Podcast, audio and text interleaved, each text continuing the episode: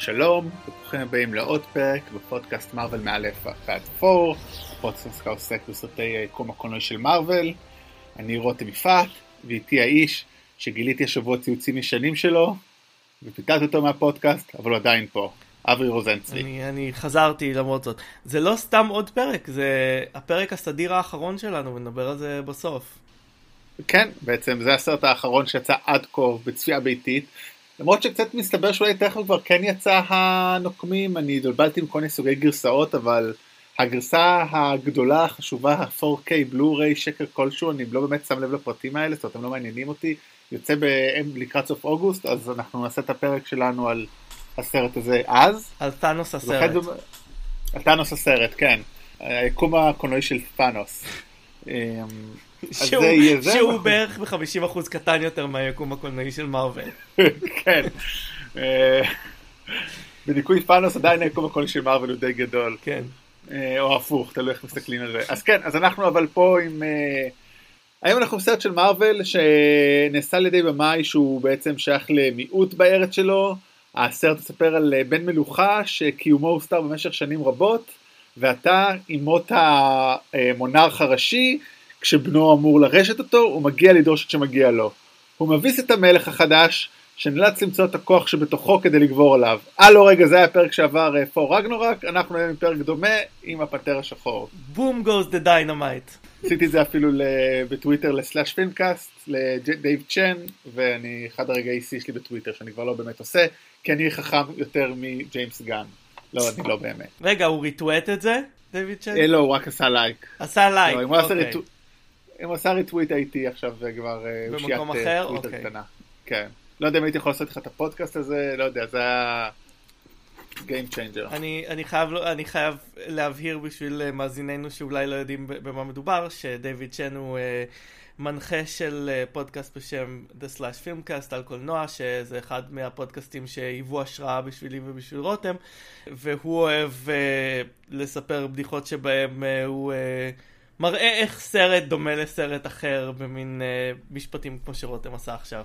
אז אם יש גם אחרי שכל זה לא יודע על מה אנחנו מדברים, אז היום אנחנו בפנתר השחור, הסרט ה-18 בקום הקולנועי של מארוול, והאחרון שלנו במתכונת הזו, כאמור, המשך נספר על זה בסוף, אז תישארו איתנו.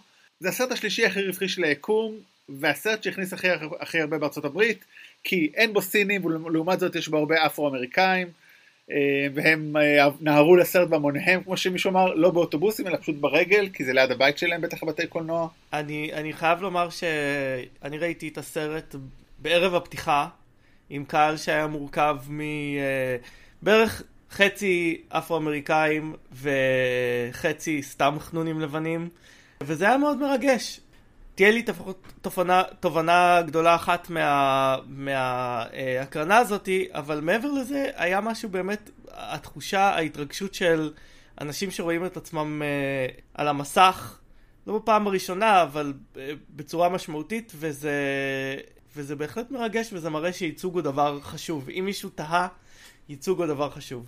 אני לא רוצה לעשות אולי צחוק ובדיחה מהעניין הזה של ייצוג, אבל מצד שני גם, בוא נגיד ששלושת הכריסים של מארוול יוניברס ורוברט דאוני ג'וניור ובנדיקט קמברבאץ' הם לא בדיוק ייצוג שלי זאת אומרת אני לא נראה כמו ת'ור או כמו קפטן אמריקה בשום uh, מצב אבל כן אין ספק שזה יותר דומה לי מאשר uh, שהוא דומה לנערים שגרים באוקלנד או ב the ברונקס או איפה שלא יש מיעוט uh, אפרו-אמריקאי במקרה הזה או נשים כמובן כמו במקרה של וונדר וומן אין ייצוג לגברים אה, יהודים מקריחים אה, על המסך, אבל אה, ביוצרי קומיקס יש ייצוג מאוד גדול לגברים יהודים מקריחים, אז אתה יכול להרגיש טוב עם זה.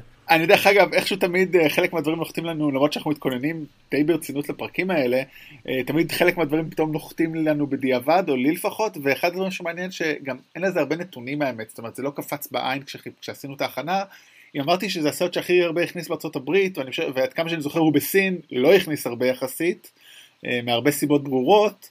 אני תוהה כמה, כמה הוא הכניס באפריקה. זאת שאלה מעניינת, האם יש על זה נתונים. אני לא חושב שזה נתונים שקל למצוא. אי פעם ראיתי נתונים על הכנסות באפריקה. לא, אין, כי זה לא מעניין אף אחד באופן כללי, אבל זה מעניין ספציפית בסרט הזה, האם היצוא, כי הרי הסרט הזה הוא לא אפרו-אמריקאי, הוא סרט אפריקאי, כי זאת אומרת, הדמויות בו הן אפריקאיות, כן, הנבל הוא אפרו-אמריקאי, אבל גם מדסנט לפחות חצי אפריקאי ילידי, ולא בן של עבדים ספציפית. שוב, בלי להיכנס לכל העניין שלא מקומנו לדבר על זה, אבל דה פקטו הסרט הזה הוא אפריקאי, הוא לא אפרו-אמריקאי, זאת אומרת, חצי מהשחקנים הם ממוצא לא אמריקאי. נכון, זה סרט ש... שוב, אני, אני לא מבין בזה המון, אבל אם אני מבין נכון, הוא כאילו מקדם פן-אפריקניזם, שזה בעצם מין תנועה ש... שמדברת על איחוד, על איחוד uh, בין כל, ה... כל היושבים של היבשת האפריקאית, מין, uh, מין סולידריות uh, פן-אפריקאית. היושבים והצאצאים כמובן, כי זה אחד הנקודות המרכזיות, הצאצאים ברחבי העולם שמדוכאים כן. בצורות זה, מי זה יותר סרט... אקטיביות ומי יותר פסיביות. זה סרט שלא מדבר ישירות על אפרו-אמריקאים בדמות של פנתר השחור עצמו ו- ומשפחת המלוכה, הוא כן מתייחס ישירות לאפרו-אמריקאים ולבעיות שלהם. באופן ייחודי, כלומר אה, הוא, הוא, הוא לא מתייחס למושבות אה, אה, במקומות אחרים, הוא מתייחס לאמריקה אה, מהפתיחה שלו כבר. אה, טוב, כמובן זה סרט מאוד פוליטי ואנחנו נדבר על זה, אז אולי קצת על ההיסטוריה ההפקתית שלו. חושב שכמו כל סרט שבו הזכרנו, גם כן, סטן לי היה מעורב בניסיון הפקה שלו עוד לפני עשרות שנים, זה כבר קרה ב-92, כשמי שניסה לקדם את זה בזמנו היה וסלי סנייפס, שרצה באמת, כמו שאמרת, ייצוג פן אפריקאי אה, יותר טוב בהוליווד, וזה חשוב, פן אפריקאי ולא אפריקאי. אה, זה נפל אבל כי הוא לא אהב את התסריטים, שאני חושב שזה טוב מאוד, כי באמת, אחד הדברים שתמיד אנשים שיוצאים נגד ייצוג אומרים, אוי, עושים את זה, עושים, אה, מתאמצים כל כך לעשות ייצוג, שבכלל לא חושבים על תסריט, זה רק עלה בשבוע האחרון עם זה שרוצים לעשות גרסה חדשה לבאפי ורוצים שהיא תהיה שחורה אז מיד כולם צצים. חברים, אף אחד לא ירוס את באפי, באפי תהיה כמו שהיא, מקסימום יהיה גרסה חדשה טובה יותר או פחות והיא תהיה אפרו-אמריקאית. כאילו ליטרלי באפי דיברה על זה שכל אחת יכולה להיות הכותלת. אתם פספסתם את הסדרה. אבל זה באמת... בכלל, מיני רנט קטן, הרעיון הזה ש... שאסור לעשות חידושים לדברים. מה אכפת לכם? זה לא מעלים את הדבר שאתם אוהבים, הוא, הוא, הוא קיים. כאילו, מקסימום יעשו משהו חרא, מישהו אחר יראה את זה, או אף אחד לא יראה את זה. למה זה משנה? כן, אני אגיד גם, הטיעון אחד אומרים, כן, כי ככה אנשים לא יראו את המקור. אוקיי, אנשים שלא רוצים לראות את המקור עד היום, לא יראה את זה, לא, כאילו, זאת לא, ההפך, יש את הסיכוי שהם ירצו בגלל החדש. סגור סוגריים, חזרה לענייננו.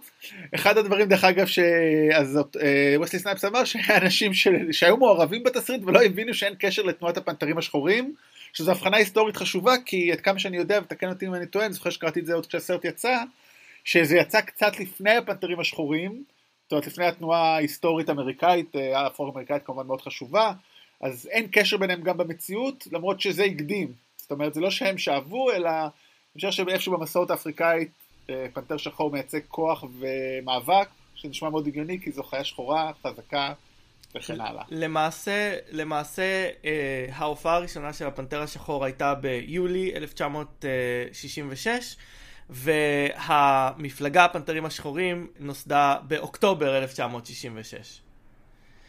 כך שאו שהביטוי הזה, הפנתר השחור, היה אה, שם בזייטגייסט, או, או שמישהו העתיק ממישהו משהו שהיה קיים בשטח, אבל, אה, אבל כן, אה, אה, לא הייתה... הפנתר השחור לא נקרא על שם הפנתרים השחורים, ככל הנראה. ולהפך, ווייס ורסה. ולהפך, ככל הנראה גם. אבל כן. בוא, אני אספר את הבדיחה אחת, אני עבדתי בזמנו בחברת הפצת סרטים, בחברת פורום פילם, שמפיצה בארץ כבר את כל סרטי מארוול, דיסני, ועכשיו גם מסתבר את פרמאונט, שעושים את משימה בלתי אפשרית שאני הולך לראות השבוע. אמ, ולהם יש בחו"ל, בפולין ורומניה ומזרח אירופה, את רשת סינמה סיטי, שהיא לא קשורה לרשת סינמה סיטי בארץ. וזה לא אני זוכר שהיה כאילו דיבור, אבל יכול להיות שזה קצת כזה היה קשקושים של אנשים ש... של המחסנאים או משהו, של החבר'ה במחלקה, במחלקה שלי, שאמרו שיש אה, ויכוח או bad blood קצת בין uh, הבעלים של הבתי הרשתות, כי הם גנבו שם אחד לשני. חברים, זה שם מאוד לא מקורי וחכם. אני בטוח ששני אנשים יוכלו לחשוב על השם הזה במקביל. כן, סינמה סיטי, אוקיי. כן, באמצע, באמצע תחילת שנות התשעים כשווסלי סנייפס היה כוכב אדיר, כוכב אקשן אדיר וכוכב גם סרטים של אה, לא בהכרח אקשן, אז, אז בתחילת האלפיים הוא עדיין היה בשיאו ובעצם רצו להתקדם עם זה, אבל חששו שהוא היה בזה ובבלייד השלישי באותו זמן, שזה יותר מדי וסלי סנייפס וקומיקס לקהל, אז חיכו עם זה. ואז כבר ב-2007 קווין פייגי כבר היה מעורב וניסו לקדם את זה, והיה כבר דיבור להציג את וואקנדה באיירון מן 2, אבל הם החליטו שבגלל שאין להם מושג איך הסרט והדמויות יהיו, לא רצו להיכנס לזה. מצד אחד זה חכם ל... ל Black Panther, מצד שני אולי זה היה מציל את איירון מן 2, נותן לו קצת יותר עניין. עכשיו, וסלי סנייפס לא יכול להיות מעורב כבר בשלב הזה, כי הוא היה בכלא על העלמת מס, ומארוול כידוע לנו לא רוצים קשרים עם אנשים שצייצו משהו לפני עשר שנים, אז בטח הם לא רוצים משהו עם בן אדם שיושב בכלא, אה, אז הם ניתקו קשר איתו, אבל כן, הוא כן תמך בפרויקט. הוא גם היה כבר בן 45, שזה נראה לי אולי טוב לאיירון מן, אבל פחות טוב ל... אבל אולי הוא היה יכול להפיק, זאת אומרת, אבל הם גם ניתקו איתו אוקיי. קשר באופן כללי. אני גם לא, כן, זאת אומרת, מעניין אותי גם למה נגיד שעד בלייד 3, למה הוא לא חשב, אוקיי, רק להפיק את זה, זה היה כל כך חשוב, כי גם אז הוא כבר היה יחסית מבוגר. זאת אומרת, אבל בסדר. anyway, אווה דברני הייתה מועמדת רצינית, אבל היא ויתרה, כי היא מאוד, היא מאוד, גם היא מאוד נמשכה לאפשרות לעשות גיבור בעל חשיבות תרבותית uh, כזאת uh, משמע, גדולה לעם האפריקאי, לצאצאים וכדומה, אך uh, היא ומרוויל לא היו על אותו גל בהקשר של הסיפור, ואז במקום זה היא עשתה את קמת בזמן. כן, כי להיות נאמן לעצמך לא תמיד עובד, חברים. כן, אני חושב אתה ש... ראית? אני לא ראיתי את קמת בזמן, אבל בעקבות התגובות אני חושב ש... טוב שקיבלנו את ריין קוגלר ולא אותה. כאילו בארץ הוא לא, לא הוקרן דרך אגב, זאת אומרת, ברגע שהיה לו את הקבלה הלא ממש חמימה בארצות הברית, הוא בארץ בכלל לא הוקרן. כן, אולי יום אחד הוא רק יהיה קמת בעמוד ה-MDB של ודוברנאי.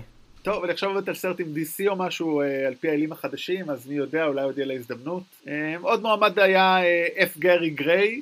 אבל uh, הוא עבד על מהיר ועצבני 8, ואחרי שקריד של ריין קוגלר זכה להצלחה, אז uh, בעצם uh, חזרו איתו למשא ומתן, הוא היה עוד לפני, וכך הוא זכה בתפקיד. Uh, אתה רוצה להגיד כמה מילים על קוגלר? כן, קוגלר במאי צעיר, הוא uh, עדיין למד בבית ספר לקולנוע כשאיירון מן יצא, ובעצם uh, הוא נודע uh, בסרט קריד. uh, שהסרט השביעי בסדרה של רוקי ומעין סופט ריבוט של הסדרה למרות ש...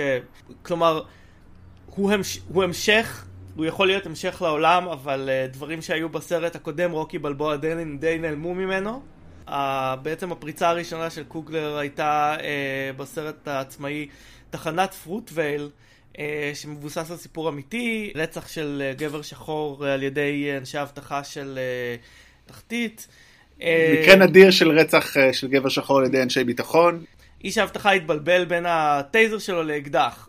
קורה לכולנו, אה, מי מאיתנו לא הרג גבר שחור בטעות כשהוא אה, הוציא את האקדח שלו. אה, את הגיבור אה, גילם שם אה, מייקל בי ג'ורדן, שהוא אה, סוג של אה, מוזה נהיה של אה, אה, אה, קוגלר, הוא הופיע אחר כך בקריד. אה, בתור הגיבור, אה, כאן הוא מופיע בתור נבל. זה, זה... יש שיגידו שאולי זה הגיבור של הסרט. כן, יהיה לי הרבה מה להגיד על זה. בכל מקרה, זה ממש לא סרט ראשון uh, של גיבורי על uh, עבור מייקל בי ג'ורדן. הוא גם מופיע בסרט uh, כרוניקה שהיה uh, מין take אה, off של found אה, footage על super אה, heroes ואחר כך אה, הופיע בארבעת המופלאים אבל לא נזקוף את זה לחובתו. כן, נזקוף את זה לזכותו של, נזקוף את זה לג'וש טרנק, הבמאי של שני הסרטים האלה, ש... אה, כנראה לא יעשה יותר סרט בחיים שלו, אחרי מה שהוא אמר על ארבעת המופלאים. כן, כנראה ש... אולי הוא יעשה סרטים, אבל לא בבית ספרנו. אמ, וריין קוגלר אה, גם אה, הביא איתו כמה אנשי צוות. זה מעניין, למרוויל תמיד עושים איזשהו, איזשהו שילוב בין האנשים שלהם, כמו מעצבי הפקה וכאלה, אנשים ששומרים על, ה, על הקו האחיד, לבין אנשים שהיוצרים uh, של כל סרט מביאים בעצמם. אני חושב ש...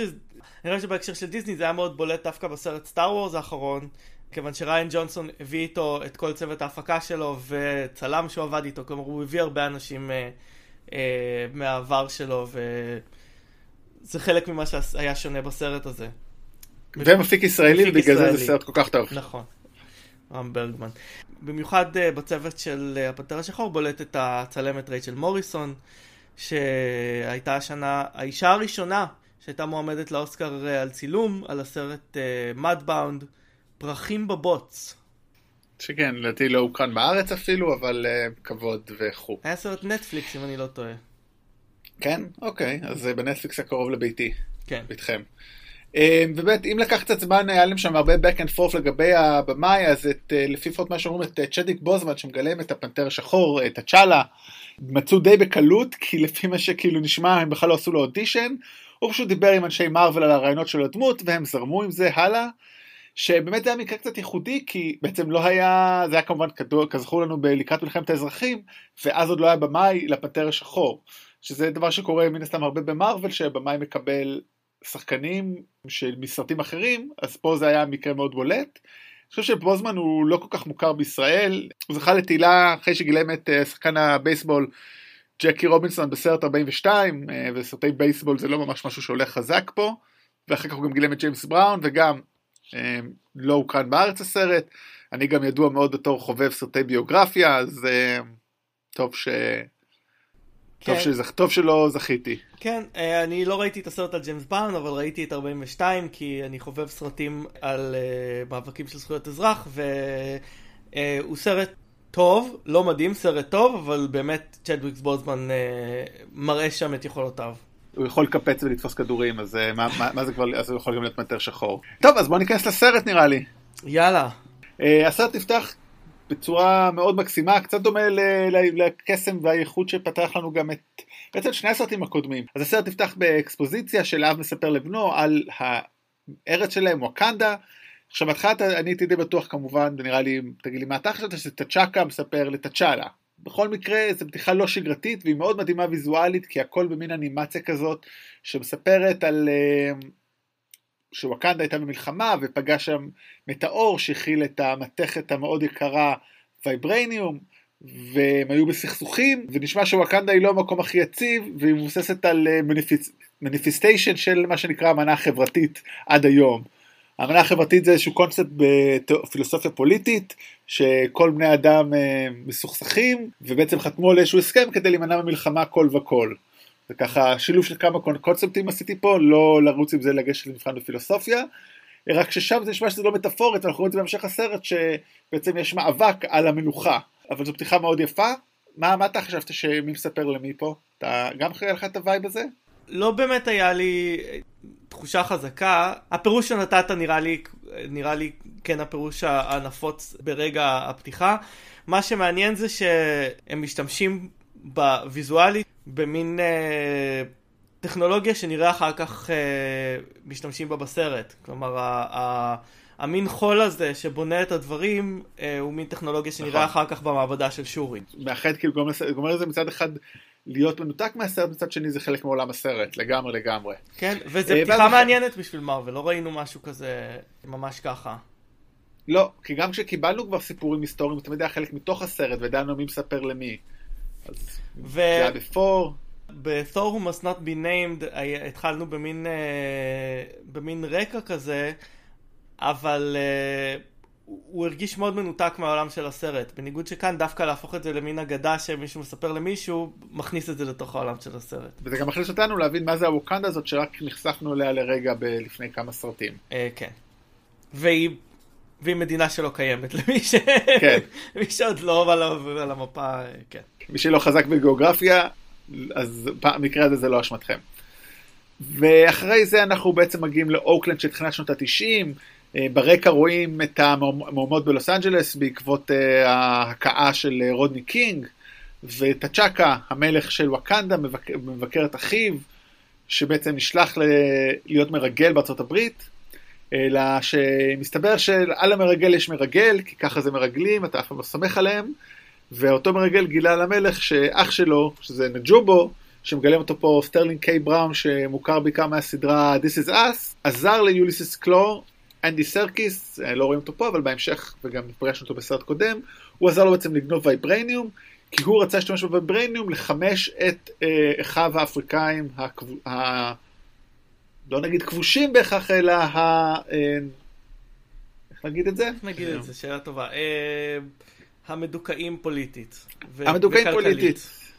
כלכלית וגם כן שסופגים אה, ב- אה, מכות ברחוב על ידי שוטרים ושמצולמים ולמרות זאת השוטרים יוצאים זכאים. אני מתייחס ספציפית פה למקרה של רודני קינג בשנות ה-90 אבל מקרה שחזר עליו די הרבה מאז. כבר כאן מכניסים לנו רקע פוליטי מהעולם האמיתי שלא היה קיים ממש ב...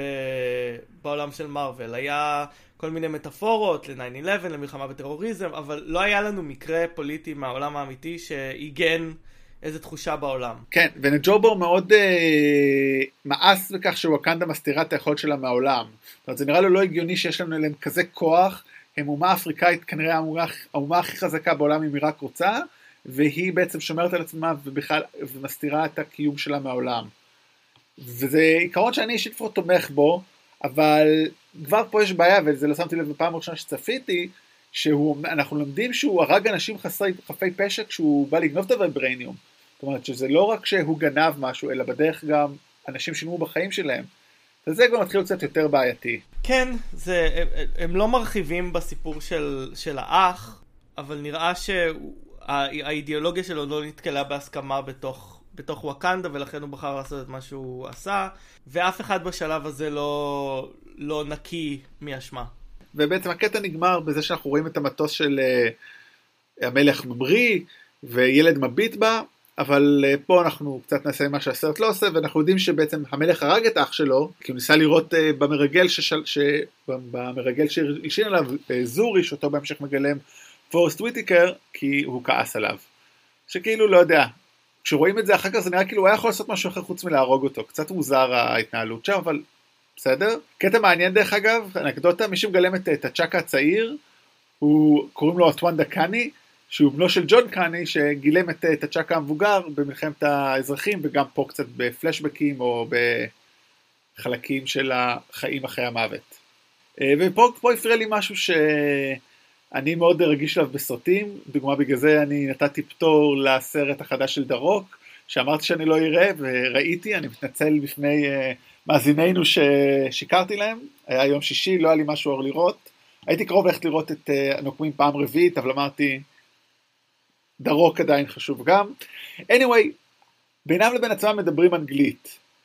ופרט לעובדה שזה לא הגיוני, גם פה עוד היה סיבה עלילתית הגיונית בהתחלה להסתיר לפחות מהבחור שהוא לא ידע שהוא מרגל. וזה קורה לאורך כל הסרט. למה הם לא מדברים בין עצמם? ווקנדית.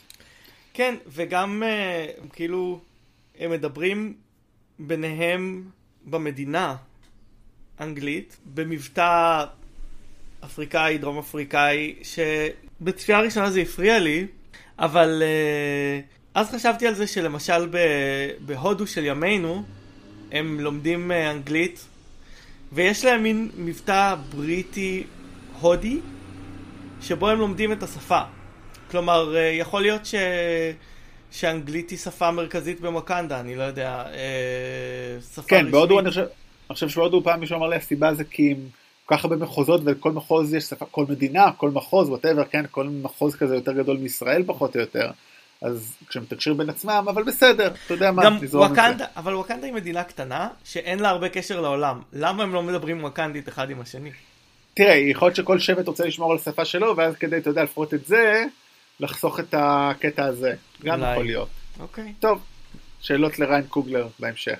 זהו, ואז אחרי הפלשבקים והאקספוזיציות אנחנו עוברים לימינו אנו, שאנחנו בערך שבוע אחרי מלחמת האזרחים, ותצ'אלה בעצם יוצא כפנתר הוורוד והורס מבצע חשאי של נקיה, שמגלמת את אה, זוכת האוסקר לופיטה ניונגו, שדרך אגב, מסתבר שהיא זכתה באוסקר לתפקיד הראשון שלה, זה די מופרע, כאילו, רואה כמה מקרים כאלה יש בהיסטוריה? אני חושב ש... שהיא דווקא, היא מראה מאוד יפה את היכולות שלה בסרט הזה, כי היא מרגישה מאוד מאוד שונה מסרטים אחרים שראיתי בה. גם כן. הצורה שהיא מחזיקה את עצמה גם מאוד מאוד שונה. אה, לא, היא שחקנית מאוד מרשימה. שחקנית מאוד מרשימה, כן. כן. אה, שיחקה באמת, זכתה פרס, אה, סרט ראשון בעצם שהיא שיחקה בו זה 12 שנים של עבדות, וזכתה בו על אוסקר, ובעצם היא מגלמת מרגלת, שהיא גם במקרה האקסית שלו, עכשיו לא יודע, כמה שאתה צריך אותה לידך וזה, לא קצת מוזר להרוס מבצע חשאי בשביל זה? הוא, הוא היה באבל, לא מודדים. אדם בזמן אבל. אה, עיגון אסורות וכאלה, כן, גרסה ווקנדה. ואז כבר בדרך לשם אנחנו נחשפים לצד היותר מגניב שלו, כי בסרט מלחמת האזרחים הוא היה די פוץ, ובצדק, רצחו את אבא שלו באותו רגע, אז כאילו מותר לו, ופה זה כאילו הוא והאינטראקציה שלו עם אה, ראש המשמר שלו, הדור המילאז' או קויה, שאומרים את דני גוררה שהיא מדהימה, דני גוררה, סליחה, שהיא מגניבה וזה, היא מוכרת בעיקר חושב מ-Walking Dead, נכון? אני לא הכרתי אותה. אז... גם אני לא, אבל זה מה שקראתי, אני לא, okay. אוקיי. לא ראיתי את ה-Walking Dead. אבל uh, היא מאוד מגניבה וגם מאוד טובה, זאת אומרת, התצוגת משחק שלה לא סרט מדהימה, וזה כאילו מאוד יפה שבאמת, ה... כאילו כל העיצוב וההתנהלות שלהם היא סופר מגניבה, התלבושות, המבטים, המחוות, they know how to carry themselves. זה מזכיר לי שבקיץ הייתי, כשהייתי בניו יורק, הייתי בפסטיבל שקוראים לו אפרו-פאנק, שכמו שאמרת, באמת בא לחגוג איזשהו אה, אפריקאיות, והמגניבות של האנשים שם, בלי להתאמץ, אה, רובם מן הסתם ממוצע אפרו-אמריקאי. אני גם לא אזכיר את הרגע שחיכינו להופעה ועלתה משוררת והקריאה שיר שבו היא אומרת, תתביישו לכם אנשים לבנים. זה היה רגע לא פשוט. אז כולם שם היו מגניבים כל הזמן, וככה גם הרגיש לי הסרט הזה, פשוט מגניב 24/7. גם יש איזושהי uh, תנועה אסתטית uh, רעיונית שנקראת אפרו-פיוטריזם, שלוקחת את, ה, את המסורת האפריקאית וככה לוקחת אותה במין טוויסט מדע בדיוני, טכנולוגי אל העתיד, והסרט הזה הוא דוגמה מאוד uh, יפה של זה. יש עוד דוגמאות קולנועיות לזה, או ש... הם לא קולנועיות לדעתי, זה קיים, ב... זה קיים במוזיקה, זה קיים באומנות, אני לא יודע אם זה קיים בסרטים. אוקיי, okay. אז uh, הם אוספים אותה, והם חוזרים לטקסט ההכתרה שלו, ואז אנחנו נחשפים באמת לווקנדה האמיתית, מתחת לפני השטח, כי בעצם יש להם הסתרה וכל המדינה עצמה נמצאת, אז בעצם כל המדינה נמצאת מתחת לאיזשהו שדה מגן, ופה אנחנו כבר רואים אותה באמת כמו שהיא, ויותר טוב ממה שהיא נראתה בסוף מלחמת האזרחים. ואני קצת עוד לא בטוח אם היא קטנה כמו אסגרד, או פה שיש כן יותר בשר, כי אנחנו רואים חלקים שונים, אני עוד לא סגור לגבי זה האמת. היא נראית כמו מדינה פיצית, ממש. אתה שואל את עצמך באמת כמה, כמה כוח והשפעה יכול, אה, יכול להיות למדינה כל כך אה, פיצית, אבל אולי רק בגלל הטכנולוגיה שלהם, כמו שנראה בהמשך. כן. ואז אנחנו פוגשים בעצם את הדמות אולי הכי מגניבה בסרט, וגם אולי ביקום הקולנועי של מארוול, אולי מתחרה בלואיס uh, מאנטמן, אחותו של תצ'אלה, שורי, שמגלמת אותה שחקנית בריטית, לטישה רייט, שהיא גם אחראית בעצם על כל הטכנולוגיה של ווקנדה, אה, שבעצם עושים את זה הודות לוויברניום, אותו מתכת נדירה שרק להם יש גישה אליה. והיא גם אומרת לו פה משפט שהוא מאוד מרכזי לסרט. כשהיא מביאה לו גרסה חדשה של איזה משהו, לא של החליפה משהו זה, היא אומרת לו, רק בגלל שמשהו לא עובד, לא אומר שאי אפשר לשפר אותו. שהיא אומרת את זה על הטכנולוגיה, אבל בעצם זה גם משהו שאפשר להשליך על המדיניות שלהם, על ההתנהלות שלהם בעולם. אז אני מאוד אוהב את זה, את המשפט הזה. אוקיי, כאילו משם עוברים, כן? אז אחרי שסיימנו את האקספוזיציה באמת של אה, מצב העניינים בוואקנדה ושל תצ'אלה, אה, אנחנו בעצם עוברים להצגת הנבל, והיא אחת הטובות ביותר שראינו. יש שם אקספוזיציה בתוך אה, מוזיאון בריטי, ואנחנו פוגשים בעצם את אריק קילמונגר, בעצם סליחה זה הכינוי שלו, יש לו שם אחר, שאותו באמת כאמור מגלה מייקל בי ג'ורדן.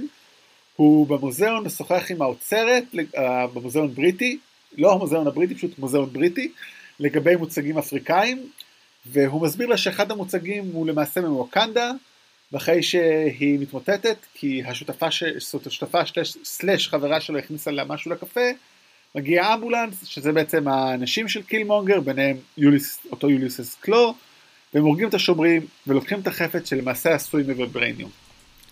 אה, אני חייב לומר ש... המשפט, אחד המשפטים הראשונים של קילמונגר, כשהוא אומר uh, ל...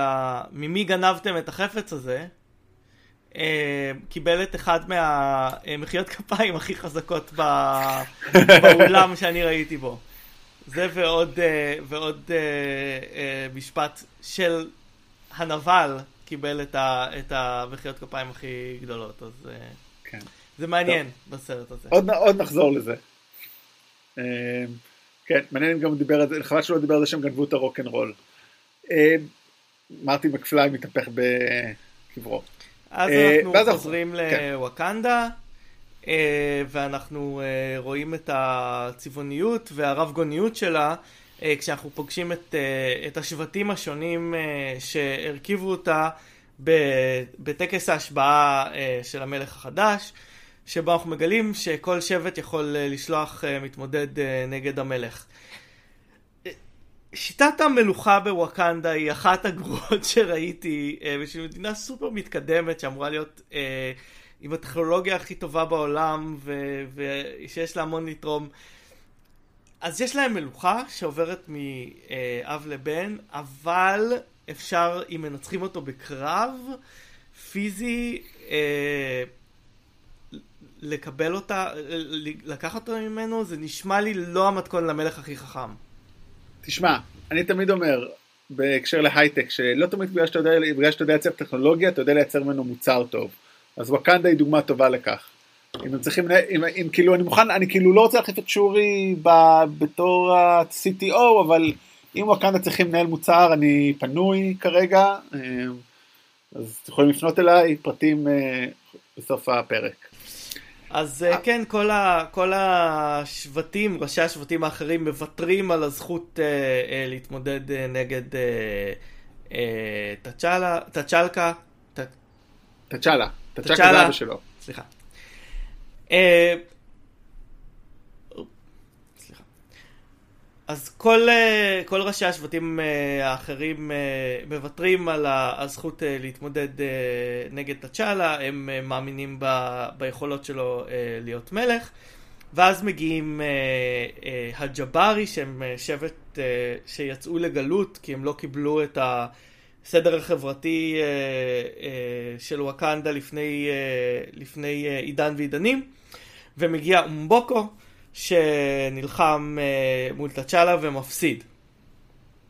אה, עכשיו, כן. עכשיו חשוב להגיד שמן הסתם זה לא פייר שט'צ'אלה שיש לו כוח, כוח מיוחד שמגיע מפרח שגדל בלב המדינה ש, שבעצם שמקבל את האנרגיה שלו או whatever מהוויברניום, בגלל זה הוא יש לו כוחות על קצת כמו אה, קפטן אמריקה אז יש להם גם יכולת להכין משהו שיוציא ממנו את הכוחות האלה. עכשיו, ואז הוא נלחם fair fight כביכול, כי הוא נטול כוחות, והיריב שלו נטול כוחות. אבל אני חייב להגיד שזה ממש לא פייר, כי הוא כל חייו מתרגל לזה, ואז פתאום אין לו את זה, זה קצת כאילו לשים עליו מגבלה ממש קשה. אמ, אבל למרות זאת די היה ברור שהוא ינצח כאן. אה, לא רק כי ראינו קרב אחר בטריילר, אלא בעיקר כי ראינו את ההכנה לנבל האחר, וברור שאם הוא יפסיד כאן, אין עלילה. כן, זה... אבל זה, אבל זה גורם לי מעניין, זה, זה עניין אותי כי כאילו באמת אם אפשר לתת ולקחת את הכוחות האלה של uh, כוחות העל של הפנתר השחור, uh, למה הם כאלה טקסיים וסודיים? למה אי אפשר לתת לכל ה... למה אי אפשר לגדל מספיק ופשוט לתת לכל הוואקנדים uh, כוחות על? אין כל כך עוד, הרבה. עוד חור, עוד חור, עוד חור כאילו בעלילה. כן. בהתנהלות, אפילו לא בעלילה, במחשבה הפוליטית של וואקנדים. ואז... אבל בזמן שהוא... כן. ב... כן. בזמן שהוא מקבל את הכוחות חזרה, אז הוא עובר למישור האבות, ושם הוא פוגש את אבא שלו, שמקשקש לו איזה משהו, אה, אתה צריך להיעזר באנשים סביבך כדי להיות מלך טוב. אה, קצת, אה, נשמע קצת כמו שאני מתאר איך זה להיות מנהל מוצר טוב. עם אנשים טובים סביבך אתה יכול לעשות את העבודה. אז אולי הוא יקבל אותי לעבודה במישור האבות, נראה, נראה לאן זה יוביל. אגב, שאלה על מישור האבות. האם הבנת את זה כ... כמשהו אה, ליטרל? האם הם באמת פוגשים, אה, האם, האם הסרט מכניס ממד מיסטי שבו הם באמת פוגשים אה, את אבותיהם, או כמשהו פסיכולוגי, שמין אה, walkabout כזה בתוך, ה, בתוך הנפש? כאילו הזיה כזאת? כלומר, משהו כן, ש... אה, לא, אני לקחתי את זה בתור משהו ממשי. Okay. לא אוקיי. חשבתי על זה אפילו, אבל למה אתה בתור... אה, אני לא יודע, כאילו... אני תוהה אם יש עוד משהו ב... ביקום הקולנועי של מארוול שדומה לדבר הזה. אם זה אמיתי, זה, זה מדבר על כך ש... שיש רוחות רפאים ושהם נגישים לנו בעצם. כלומר, זה מדבר על העולם הבא וכאלה. תראה, אמ, אני חושב שקצת נראה בסוף מלחמת האינסוף, שפאנוס פוגש את אה, גמורה הקטנה, זה, זה משהו כזה קצת, לא? שם יש לזה הסברים יותר... אה, אני משער שאין הסברים, זאת אומרת, יש השערות, אין הסבר עדיין. לא כן, אתה... יש השערות יותר קנוניות לגבי זה. כן. שהן פחות מיסטיות. אה, אוקיי. פחות מיסטי, הגדרה מעניינת למיסטי ולא מיסטי, כן, אוקיי, אבל... פחות מיסטי אוקיי. מעולם הבא ו... ורוחות רפאים וכאלה. אני מרגיש שהם ניסו להתחבר פה למשהו של מסורת אפריקאית ובעוד תרבויות של ה-ancestors ומי שבא לפניך וה... והחיבור אליהם. אני לא יודע אם זה ליטרל או, או בעצם אדם שמוצא משהו בתוך עצמו. כלומר, הוא לא, אף אחד לא גילה פה מידע שהוא לא יכול היה לדעת בשלב הזה. אנחנו כן נראה את זה אצל קילמונגר. אוקיי, זאת אומרת, נכון, קילמונגר כאילו. ילמד מידע שהוא, שהוא לא היה אמור לדעת, אלא אם כן מישהו העביר לו. ולכן זה, ולכן זה הופך את זה ליותר הגיוני שזה משהו מיסטי ולא פסיכולוגי. כן. אוקיי, לא חשב, באמת לא חשבתי על זה, אבל יפה. אוקיי. אז אחרי הטקס הוא חזר לכוחותיו, הוא מוכן לשלוט, הוא מנסה לשכנע את נקיה להישאר, אבל היא מסבירה לו שהיא לא יכולה לחיות עם הבדלנות הזאת של המדינה שלה, והיא רוצה, היא מציעה שישתפו את הטכנולוגיה ואת העזרה שיכולים לתת לאחרים, והוא נותן לה איזו תשובה מתנשאת ופחדנית, אה, של אה, אנחנו חייבים, בלה בלה בלה, באמת אני לא זוכר אותה, היא פשוט תשובה מגוחכת. תשובה אה, פשוט אנוכית. הם מעדיפים לשמור על העליונות הטכנולוגית שלהם ולהישאר באנונימיות על מנת שלא לפגוע באיכות החיים שלהם שהיא כנראה גבוהה בגלל שהם עשירים ואין להם הרבה אזרחים מאשר uh, לשתף עם העולם. וואקנדה פרסט. כן, כאילו, אבל אם אף אחד לא רואה אותך uh, מתקדם טכנולוגית, כאילו, שאלה, שאלה מעניין אולי חלק זה שאלה בפילוסופיה הווקנדית. אם מדינה מלאה טכנולוגיה יוצאת, לא יוצאת לעולם, האם היא מלאה טכנולוגיה? כן, היא עשירה. דרך אגב, גם על זה, ממה היא עשירה, by the way? by the way, ממה היא עשירה? איך, לא איך היא עשירה? אם אין לה... לא, באמת, איך יכולה להיות עשירה? חשבתי על זה, כאילו... אם אין לה מסחר עם... אה, עם מדינות אחרות, כאילו, אוקיי, נגיד ויש לו, אני אלך אחרת, יש לו, אוקיי, של קמפניז, ממה הוא מייצר את הכסף? הוא לא מוכר את הטכנולוגיה שלו, אני כאילו, לא, לא עובד. אולי הם מוכרים, אה, אולי הם מוכרים טכנולוגיה יותר ישנה שלהם.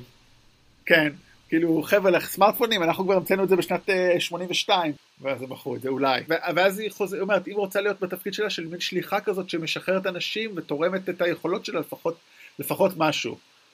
אה, גם במקטו זמן הוא גם מנהל איזה שיחה עם אותו רעיון עם אה, וואקאבי שהוא גלם אותו דניאל קלויה שחקן גם בריטי מוכר זכה להצלחה מטורפת בשנה האחרונה עם גט אאוט ווואקאבי אומר שהוא לא רוצה, וואקאבי גם הוא כאילו רוצה שלא יביאו פליטים אבל כן רוצה להילחם לעזור בחוץ.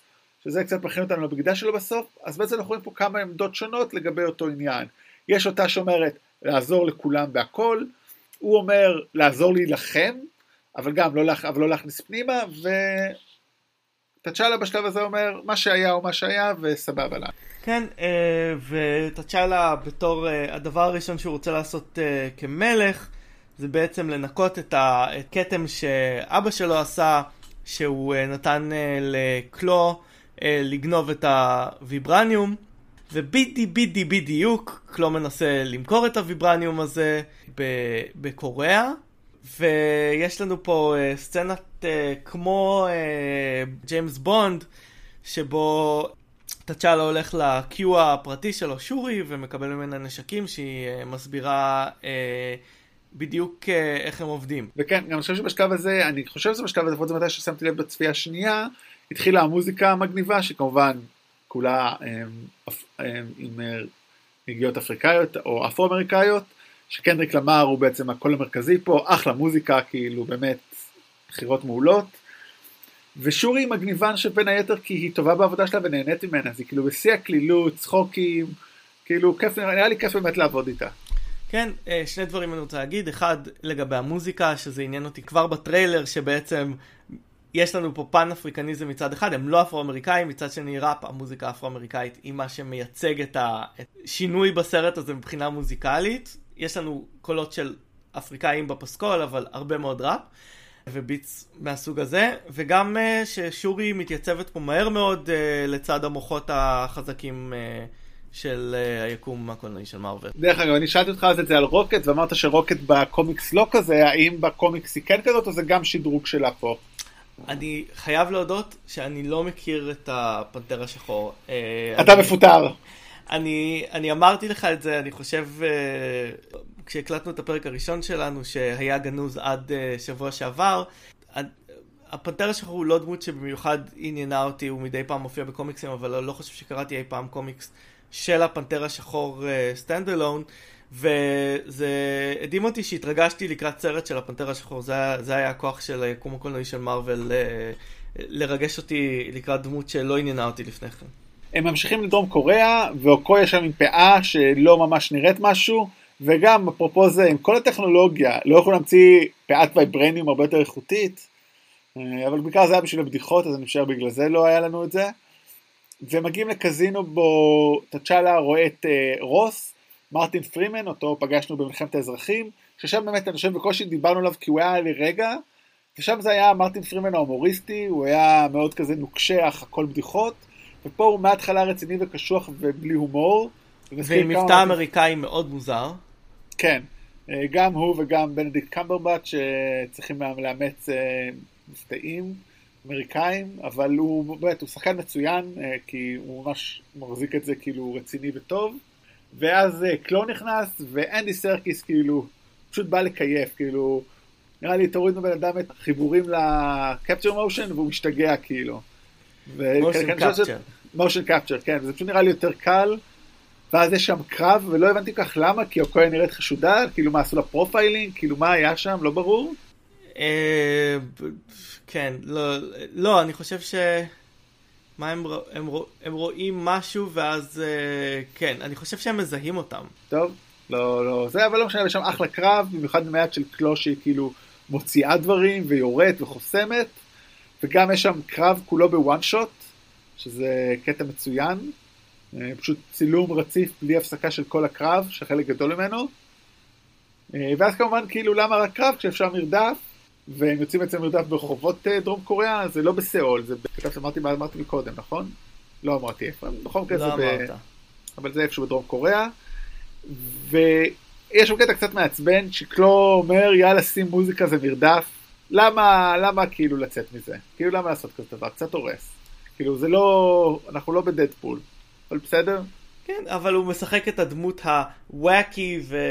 ומשוגעת. כן. אה, אני חושב שהוא, אה, כמו שאמרת, הוא אה, ממש עף על זה שרואים את הפרצוף האמיתי שלו. והמרדף מאוד מגניב, ומה שעוד יותר מגניב פה זה ששורי נכנסת לזה, היא כמו הבחור על הכיסא.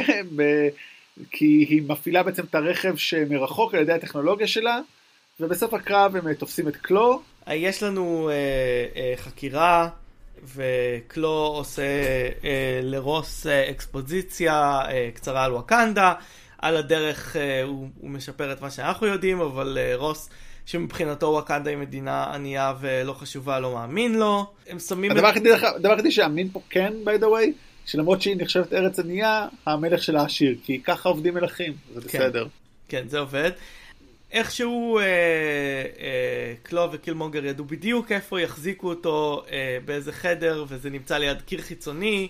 אה, קילמונגר ואנשיו מחלצים את קלו, אנחנו מגלים גם אה, מה החולשה של אה, פנתר השחור, פגיעה ישירה של פגז, לא מפתיע במיוחד. רוס אה, אה, חוטף כדור אה, לעמוד אה, השדרה כשהוא מגן אה, בהירואיות על, אה, על אה, נקיה. ויש פה קטע מאוד, ויש פה משהו מאוד יפה שאנחנו כבר עבר כמעט חצי סרט.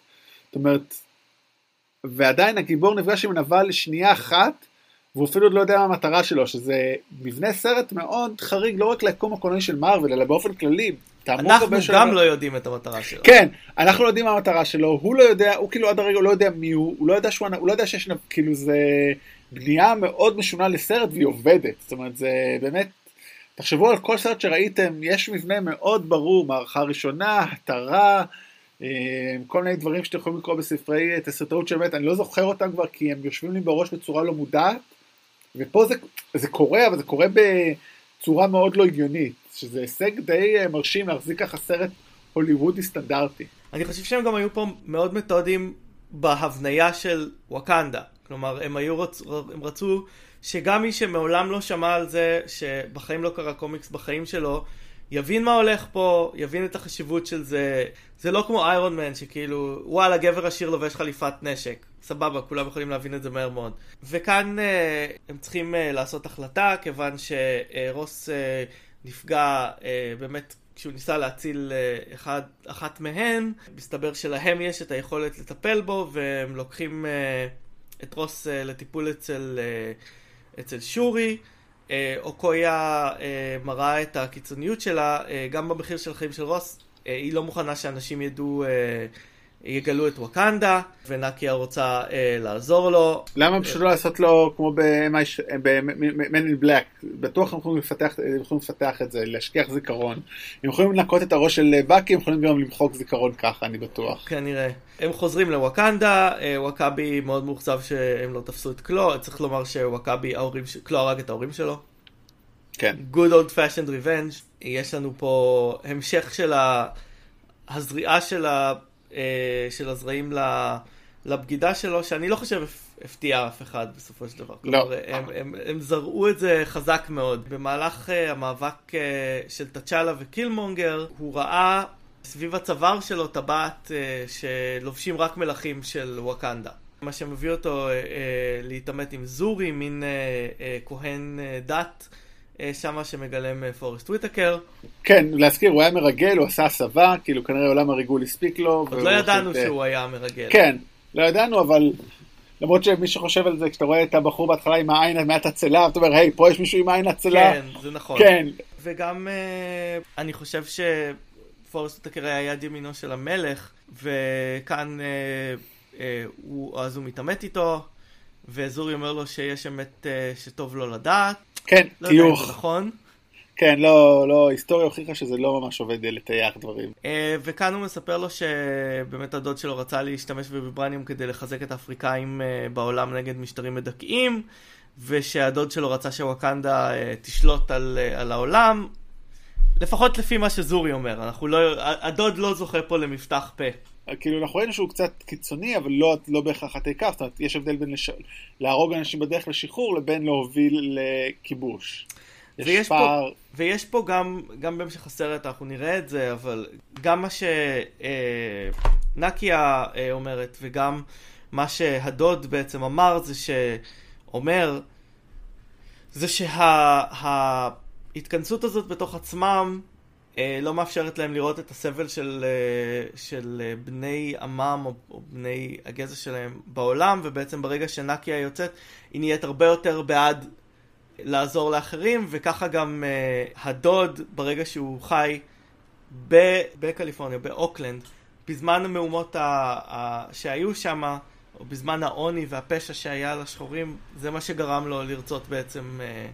להתחבר לעולם. אני חושב שזה נאמר המשפט הידוע, once you go black you can't go back. אני חשבתי שתגיד רחוק מהעין, רחוק מהלב, אבל בסדר. גם, כן, גם, אבל דרך אגב, הוא גם אצלו, אתה יודע, זה, זה גם עובדה שיש לו ילד שגר שם, ויהיה לו קשה להכניס אותו, זה בטח תרם לו לאבא של קילמונגר, זאת אומרת, העובדה שהוא, יש לו שם אישה שהוא אוהב, והבן שלו שם. והם לא ידעו על זה שיש לו בן. כן. או שהם בוחרים להשאיר אותו. הם, 아, להשאיר הם אותו. בוחרים להשאיר אותו כדי שלא לזה. כדי לא, כדי את שלא הכסף. לגלות את, ה... את מה שזה שקרה. הקטע, שזה הקטע מאוד יותר גדול, זאת אומרת, אם היו מביאים אותו, היו יכולים אולי קצת אה, זה, במקום זה הוא גדל להיות רוצח של ה-CIA, או של ה-Special Forces, או whatever שהוא לא היה שם. ואז בעצם, ואז אנחנו חוזרים לקילמונגר, שמתעמת עם קלוב והורג אותו, וגם בדרך מקריב את החברה שלו. לא ברור אם היא הייתה באמת אהבה שלו, או שמראש הוא ניצל אותה, או מבחינתו המטרה חשובה יותר מהאמצעים. כן, זה לא היה ברור לי גם. מה שכן היה ברור לי ברגע שהרגו את קלו, זה שאנדי סרקיס רצה לתת 250% על המסך כל רגע, כי לא היה לו הרבה זמן מסך. לפני שהרגו אותו, הוא אמר, אני אתן את הכל ב... בחצי הראשון של הסרט. ואז אה, בעצם, אה, ברגע שיש לו את הגופה של קלו, הוא טס איתו לווקנדה, כי הוא ידע שהם יסמכו על הגופה, וכך הוא יגיע ידע? לתצ'... איך הוא ידע את זה? הוא ידע שהוא פיוג'יטיב, אבל אני לא מבין משהו אחר, למה הוא צריך בכלל למכור את הוויבריינים? למה הוא פשוט לא להרוג את קלו? לא יודע, ובמקרה הוא גם אה, פוגש אה, את אה, ווקנדה בול... בווקנדה הבן אדם הראשון שהוא פוגש זה הבן אדם שרצה לראות את קלו מת. לא, זה דווקא, אתה יודע מה, זה דווקא, אתה יודע, אולי קראו לו כאילו, אתה יודע, כי הוא כן משבט הבורדר. אתה יודע, אולי הוא פגש מישהו אחר ואמרו לו וקראו לו למפקד, כי הוא ראש השבט, או, אוקיי. או בכיר שם, דווקא זה, יודע, אוקיי. אה, זה יותר, זה, אה. זה הגיוני שהוא, זה לא, זה הגיוני שהוא פוגש אותו, שהוא הבן אדם שמאשר לו להיכנס, אוקיי. ושהוא משתכנע, זה עובר. ביקורת גבולות ווקנדה. כן, כן, לא, מה זאת אומרת, הוא שבט הגבולות, כן, כן. זה התפקיד שלהם, זה, זה באמת זה בסדר, אני חושב שזה בסדר. אה, באמת, יש לו את המבט של מייקל בי ג'ורדן שהוא נכנס, זה פשוט אה, מדהים, באמת, מייקל בי ג'ורדן הוא שחקן ברמה אחרת, אני חושב. בעיקר, כאילו לא בעיקר, אבל פה זה בולט בגופניות שלו. אני כל פעם אומר שאני רוצה לראות שוב את קריד, כי אני לא עפתי עליו כמו שכולם מדברים עליו. זאת אומרת, הוא לא נורא כמו רוקי 6, 5 ו-4 ולא יודע איזה, אבל הזמן מדברים כמה הוא סרט מדהים, עכשיו אני צריך לראות אותו שוב. אבל מקרה מייקל בי ג'ורדן פשוט מדהים, באמת. אני אגיד, הוא כאילו באמת, אני, הוא אוכל בלי מלח את, אה, זה בעיה מאוד קשה, כי גם הדמות מעניינת הרבה יותר מתצ'אלה, וגם בתור שחקן הוא פשוט הרבה יותר טוב מצ'דיק בוזמן. לא כאילו, צ'דיק בוזמן שחקן אולי טוב מאוד, אבל באמת, אני עף על מייקל בי ג'ורדן עוד יותר מהצפייה השנייה. אני לא יודע אם זה צ'דוויק צ'דוויק בוזמן, או הדמות שנותנים לו לגלם, שתצ'אלה הוא לא מאוד מעניין.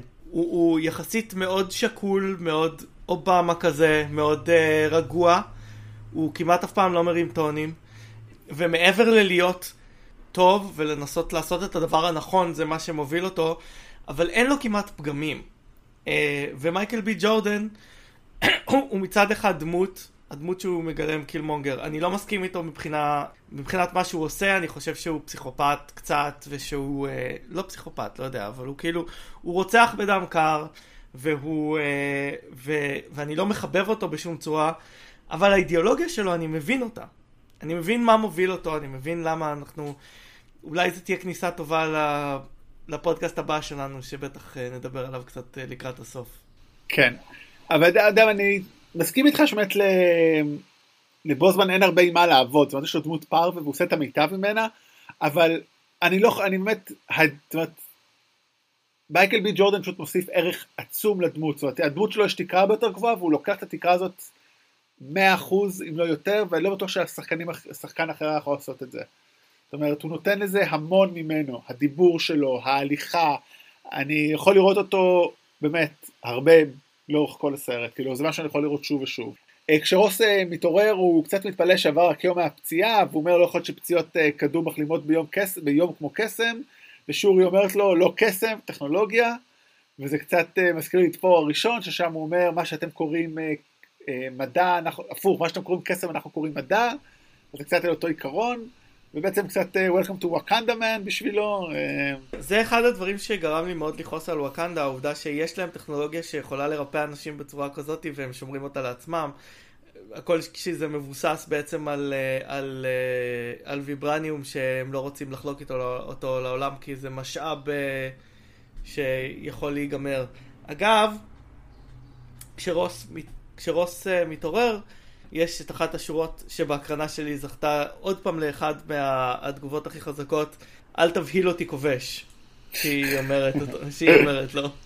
אני רוצה רגע לחזור, אני רוצה לחזור רגע למשפט שאמרת על הטכנולוגיה, וזה דיון שהיה לנו בעקבות אנטמן והצירה, אה, היה לנו בפייסבוק, שהוא לא ספוילר לשום דבר, אלא שאנחנו רואים בסרט ההוא עוד יותר כמה הנק פים הוא גאון טכנולוגי ומדהים וממציא בצורה בלתי יאמנה גם בגיל 70 או כמה שהוא לא יהיה, והוא שומר את זה לעצמו. הוא לא עם זה עושה שום דבר טוב, וזה קצת כמוהם. זאת אומרת... אבל, פות... אבל הנק פים שומר את זה לעצמו כי הוא מפחד שיעשו לזה weaponization. Uh, הם שומרים נכון. את זה לעצמם כי הם דואגים לעצמם. כן, לא, לא לגמרי אותו הם... דבר. אה, לא, לגמרי הם פחות טובים, כאילו הם uh, הרעים יותר במקרה הזה, אבל... Uh, אתה יודע, אבל הוא היה יכול לעשות מזה not weaponization ולהוציא את זה לעולם, זאת אומרת, ולעשות, יודע, מספיק רחם שלא יעשו לו reverse engineering. אבל סתם כן. הנקודה שעלתה לי שיש לנו פתאום שתי דמויות בשני סרטים uh, שהם עם יכולות טכנולוגיות אדירות, זאת אומרת, זה משהו שאתה לא יכול להגיד על איירון מן, אוקיי, הוא רק יודע לעשות אה, נשקים ואולי אנרגיה, הוא לא יכול לעשות רפואה. הנק פים והם יודעים לעשות רפואה, זה כבר the next level. אבל דיון כן. מוסרי שסתם כן. הסרטים האלה לא נכנסים אליהם.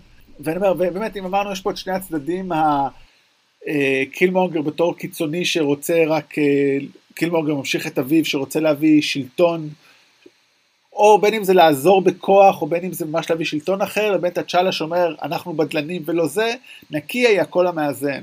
ואומרת לתצ'אלה, הטעויות של אביך לא יקבעו עבורך, אתה האדון של העתיד שלך, של סגנון המלוכה שלך. אה, קצת מאוחר מדי, כי בעצם אנחנו מגיעים לשלב שבו קילמונגר חושף לכולם את הזהות שלו, ושהוא זכאי להתמודד על התואר.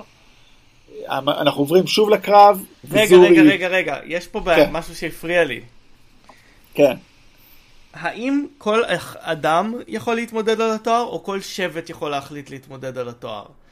כי בעצם כבר הוחלפה המלוכה, הוא, הוא, לפי מה שאני מבין, רק ברגע שמכריזים על המלוכה יש את האפשרות, זה כאילו speak now or forever hold your tongue, אז הוא לא היה שם, אבל אם הוא מאותו שבט כמו uh, תצ'אלה, למה, למה נתנו לו את הזכות הזאת? מה זאת אומרת? פריימריז. ביבי גם מתמודד, איך קוראים לו? גליק? מי התמודד מולו פעם שעבר וזכה לאיזה שלוש קולות, למרות שהוא עדיין היה ראש ממשלה. כן, טוב, אני, כאילו... חושב, אני חושב שבקרב שקורה ביניהם אה, מיד אחרי זה אפשר אה, למצוא איזושהי, איזושהי מטאפורה לפריימריז בעבודה. וואי, קיבלנו לאחרונה מכתב שאנחנו מדברים יותר על פוליטיקה, אז אנחנו מנס... א', קשה בסרט הזה לא לדבר על פוליטיקה, אבל לא לדבר על פוליטיקה ישראלית, אבל, אבל כמו שלאפרו-אמריקאים מותר להגיד את ה-N-word, לי מותר לרדת על מפלגת העבודה כי אני חבר רשום בה, ואני הצבעתי לאבי גבאי, אז מותר לי לצחוק עליו. אל תחשוף דברים כאלה בפומבי, רותם. כנראה שהחוקים מאפשרים, באמת, זה פריימריז או whatever, כנראה שהוא זכאי, לא, אם יבוא כל מישהו, כל, אני אגיד לך מה, כנראה כל שבט רשאי לערער. אז הוא מהשבט הזה, השאלה באמת אם הוא פספס את ההזדמנות שלו, אבל בסדר, כנראה שבדקו את זה וזה חוקי. ב bylaws. כן, בדיוק. אז בקרב אה, קילמונגר הורג את זורי, שמודה, שמנסה איכשהו לגרום לו להפסיק כדי, קח אותי כנקמה על מות אביך, כי אני אחראי על זה, אז הוא הורג אותו. ואז הוא גם uh, מביס את הצ'אלה, וחושב שהוא הורג אותו, כי הוא מפיל אותו במפלים ה... לתוך המים. ואפס אחוז, ואפס אחוז מהקהל חושב שהוא הורג אותו, בגלל כן, שיש כי... עוד, אנחנו יודעים שיש עוד איזה 40 דקות לסרט. ובוא נגיד, מי שראה את הטריילרים יודע שיש דברים שלא ראינו, למרות שכמו שמסתבר עם הזמן, מארוול מאוד משקרים בטריילרים שלהם, אבל נקיה מאוד חכמה באמת בתור מרגלת, היא מבינה מה קורה, והיא מיד מבריחה את שורי ואת המלכה, האם, האימא של תצ'אלה ושורי, אה, שמגלמת אותה אנג'לה באסט, לוקחת אותה למקום מסתור, היא חוזרת לרגע לארמון ומתאמנת עם אוקויה, שאומרת לה בואי תעזרי לי להדיח אותו, ויש פה דיון מאוד מעניין ביניהם, כי אוקויה אומרת לה, מה זאת אומרת, אני משרתת את המדינה, מה זה, אני נאמנה, אני לא כמוך מרגל, תוכל לעבור מצד לצד. יש חוקים, וזה המצב, זה קטע מאוד יפה הדיון ביניהם, אני מאוד אהבתי אותו. Uh, כן, אנחנו מוצאים את עצמנו uh, במקום uh, קצת יותר סטנדרט, אם אמרנו שהסרט הזה לוקח למקומות מאוד שונים, אנחנו מוצאים את עצמנו במקום טיפה יותר מוכר, הגיבור uh, מובס, צריך למצוא את, ה, uh, את הכוח הפנימי שלו כדי uh, להתמודד. אבל כאן זה מקרה מעניין, כי בדרך כלל אנחנו מוצאים שגיבורים uh, מובסים או נופלים בגלל uh, שהם יהירים, או ש... כמו בטרגדיה קלאסית יש להם איזשהו פגם שגורם להם uh, ליפול. כאן uh, זה לא המצב. Uh, קודם כל, הוא מכפר על משהו שאבא שלו עשה בכלל. לא, זה לא הייתה פשלה שלו. שנית, הוא מרגיש שהוא מחויב uh, לקרב הזה, ו... והוא לא עשה שום דבר, כלומר, קילמונגר בעצם לא...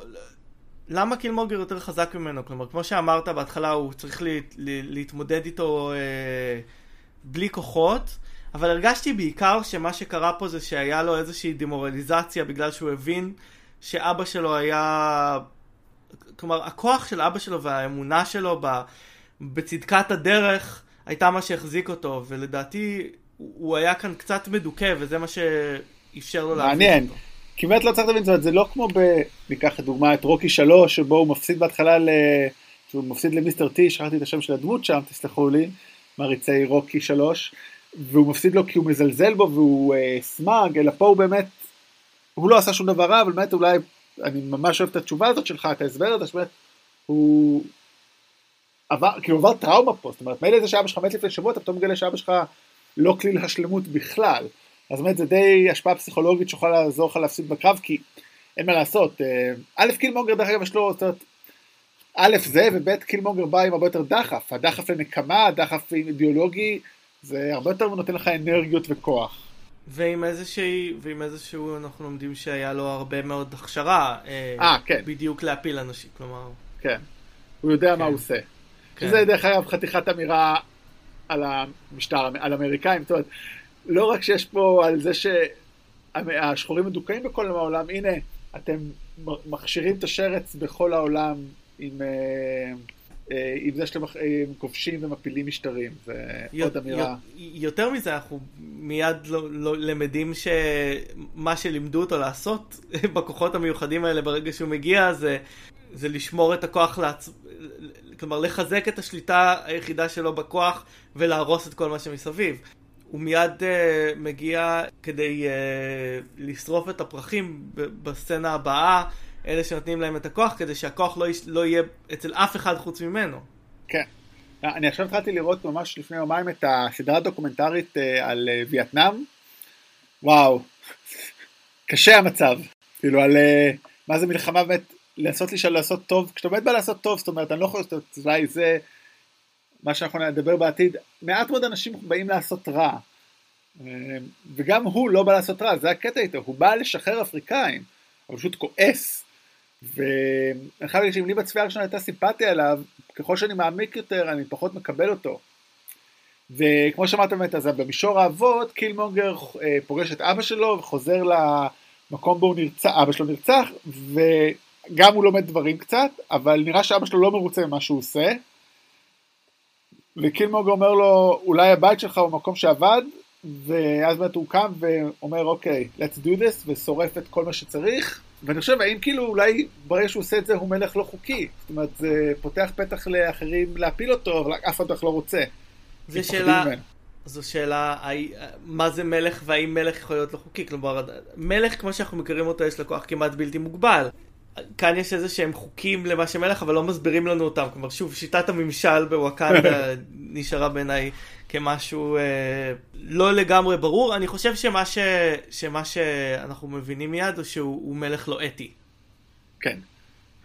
דרך אגב, גם הוא אומר לשרוף את זה, ומספיקה נקייה לגנוב פרח אחד כדי, היא לא יודעת עוד למה לעשות עם זה, להביא למישהו שיתמודד איתו, אבל יש לי הרגשה שכאילו בסרט הבא כשיהיה, שורי תמצא דרך לקחת את כל הוויברניום בכוכב ולייצר את הפרח הזה חזרה, זאת אומרת, לא נראה לי שזה הסוף של שושלת הפנתרים השחורים.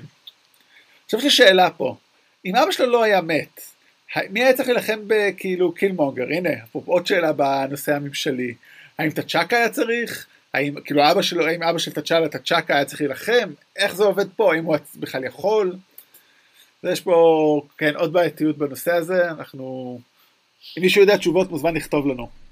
אם יש מומחים לחוק וואקנדי בקהל, בבקשה, אנחנו רוצים לראיין אתכם. כן, כאילו, לא צריך להיות פרופסור, מספיק גם אה, סטודנט תואר ראשון עם מומחיות בלימודי אה, וואקנדה. גם עוד שט, גם אני רוצה להגיד שוב, ה...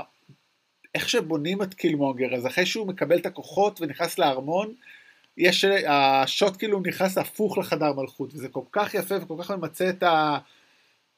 להסביר מי הוא ומה הוא. ואז הוא מתחיל ישיבת מועצה, מציג בישיבת המועצה המלכותית, מציג את התוכנית שלו, ואוקאבי אומר, העולם משתנה ונהיה קטן, זה יכול להיות, זה, זה יהיה להיות כובש או נכבש, וזה קצת קלישאתי, וקילמונגר הרבה יותר עמוק מזה, זאת אומרת, לא רק שוואקאבי הוא בוגד, הוא גם דמות קצת מעצבנת. הוא, הוא לא למד פילוסופיה וואקנדית אה, לא. באוניברסיטת וואקנדה. בכלל, כאילו אמרתי שרוב הדמויות פה, באמת, במיוחד של אנשים, אה, של שלושת הדמויות הנשיות המרכזיות הן אה, מצוינות, אז פה הדמויות הוואקנדית, פרט לתצ'אלה, שאר הדמויות הגבריות פחות מעניינות. אולי תכף כן נדבר על אחד שמאוד אהבתי, אבל בכלל אני רוצה להגיד, דניאל כאילו קלוע קצת מבוזבז פה, כי הוא שחקן מצוין בגט אאוט, ופה הוא מקבל תפקיד פחות אה, מעניין. אני מקווה שנראה אותו עוד בהמשך בדברים אחרים. ואז באמת בזמן שקילמונגר מתכנן כבר לשלוח נשקים ולחמש שטחים של את האחיו ברחבי העולם, הוא לא מבזבז שנייה כאילו. נקיה מבריחה את המלכה האם כמו שאמרנו, ואת שורי ורוס אל האזור של שבט הג'בארי, כי כנראה או שקילמונגר לא למד על ההיסטוריה, או שהוא אומר הוא לא מפחד מהם, זאת אומרת לא מפחד מהם כאיום. ואז אנחנו פוגשים את אמבקו שוב, שהוא באמת דמות אדירה, וגם פה אנג'לה באסט בעצם המלכה עד עכשיו אמרה משפטים מאוד uh, סתומים ורגילים ופה היא בצורה מאוד מינימליסטית מביעה רגשות רק ברגעים המאוד קריטיים וזה עובד מצוין. הם באים אל אמבקו ומציעים לו בעצם לקחת את הפרח שהיא אספה כדי שהוא יקבל את כוח הפנתר ויוכל להתמודד אבל אז הוא לוקח להם וחושף את הצ'אלה. ואני מבין למה אמבקו בעצם לא לקח את זה כאילו למה הוא לא ניסה בעצמו. אני חושב ש... שאמבקו, הוא מרגיש ש... שהפלו את האנשים שלו, אבל בסופו של דבר הוא אה, הולך לפי חוקי המשחק, וברגע שהוא הפסיד ל... לטאצ'אלה הוא מקבל את זה שהוא המלך, גם אם הוא כרגע בלי כוחות. אז אתה אומר, הוא מבין, אתה אומר, הוא מבין את הכללים של הפוליט... המלכות הווקנדית. כן, ואנחנו גם נראה בסוף, הוא, הוא, הוא בסופו של דבר דיסנט גיא אמבקו, והוא גם, הוא מצטרף לקרב.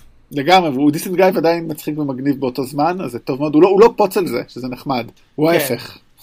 ואז תצ'אלה מקבל את הפרח, והוא שוב במישור האבות, אבל הפעם הוא מתעמת עם אבא שלו, ואומר לו למה לא הבאת את אה, אריק בתור ילד, והוא מתרץ את זה שהוא בחר בווקנדה. כאילו, אתה לא יכולת, יכולת להתאמץ קצת יותר, חבר. בוא נגיד שהוא עשה פה משהו, לא, המלך עשה פה משהו לא מוסרי, תצ'קה, אבל... אמ, אבל הייתה לו סיבה אידיאולוגית לעשות את זה, הוא לא עשה את זה מתוך איזשהו רצון אה, רק להגן על עצמו. כן, אבל נראה לי... הוא לא הרגיש שהוא מגן על האנשים, הוא, הוא עשה לא נכון. אתה מדבר בלהביא את הילד או להרוג את, את האבא שלו? מה? בלהרוג, בלהרוג את האבא או, לה, או לא להביא את uh, קילמונגר? בעצם בלהסתיר את זה כדי, כדי לא לערער על ה... כן, אולי הוא שמר על הכוח של עצמו. לא כן.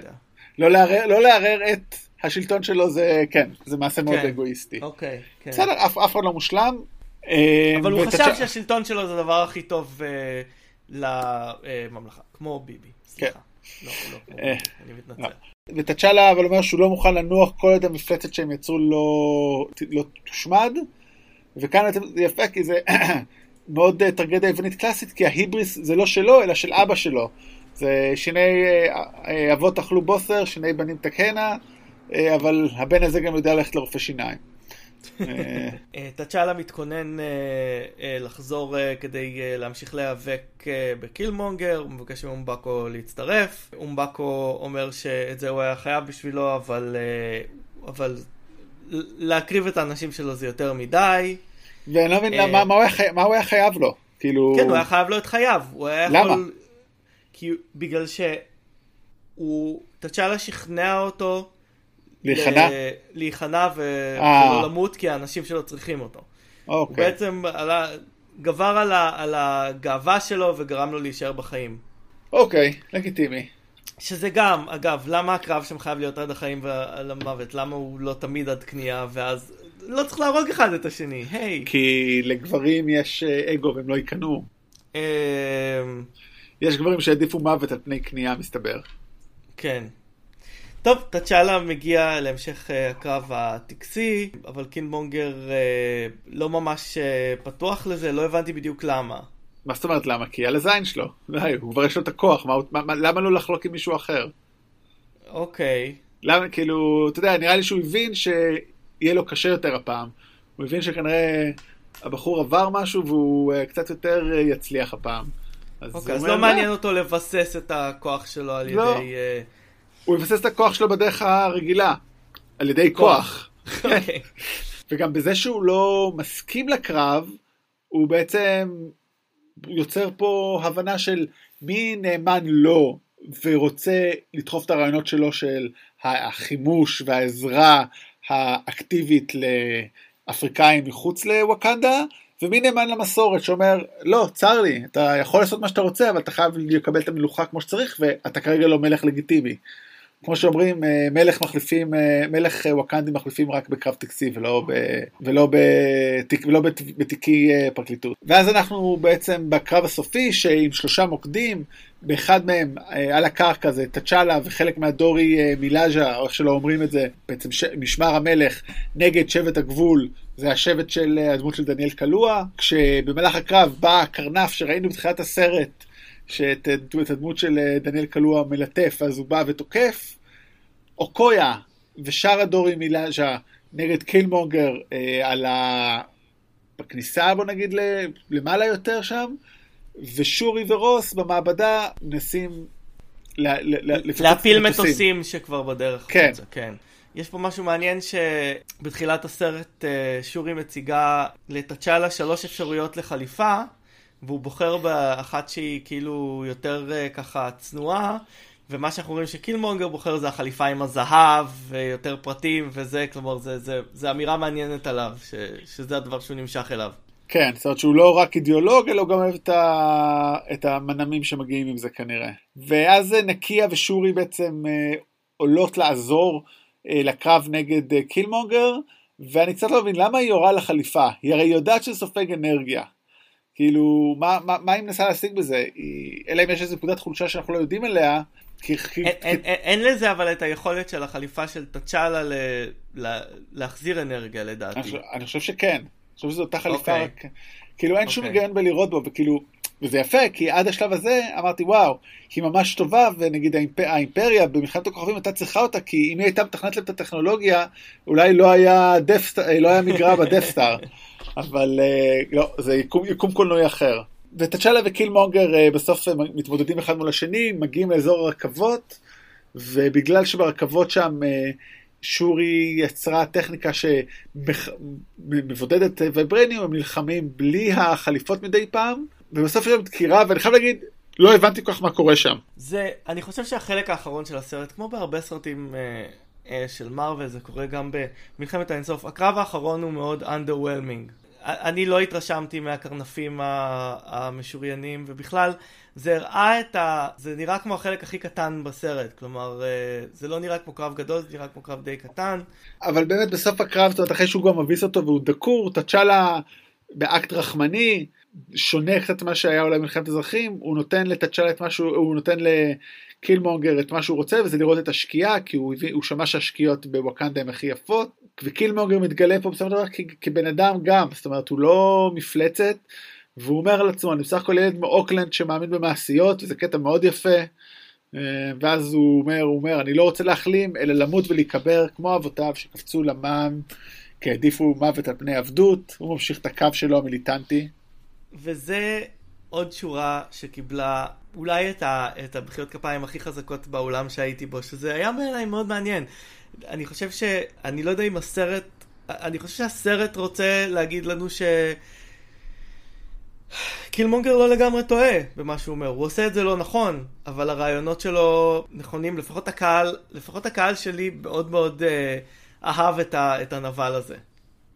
אני חושב שיש פה גם קצת רמאות מצד ה, היוצרים של הסרט, שהם כאילו אומרים, כן, יש לו הרבה דברים שהוא צודק, אבל אנחנו ניתן לו למות כי הוא מושחת.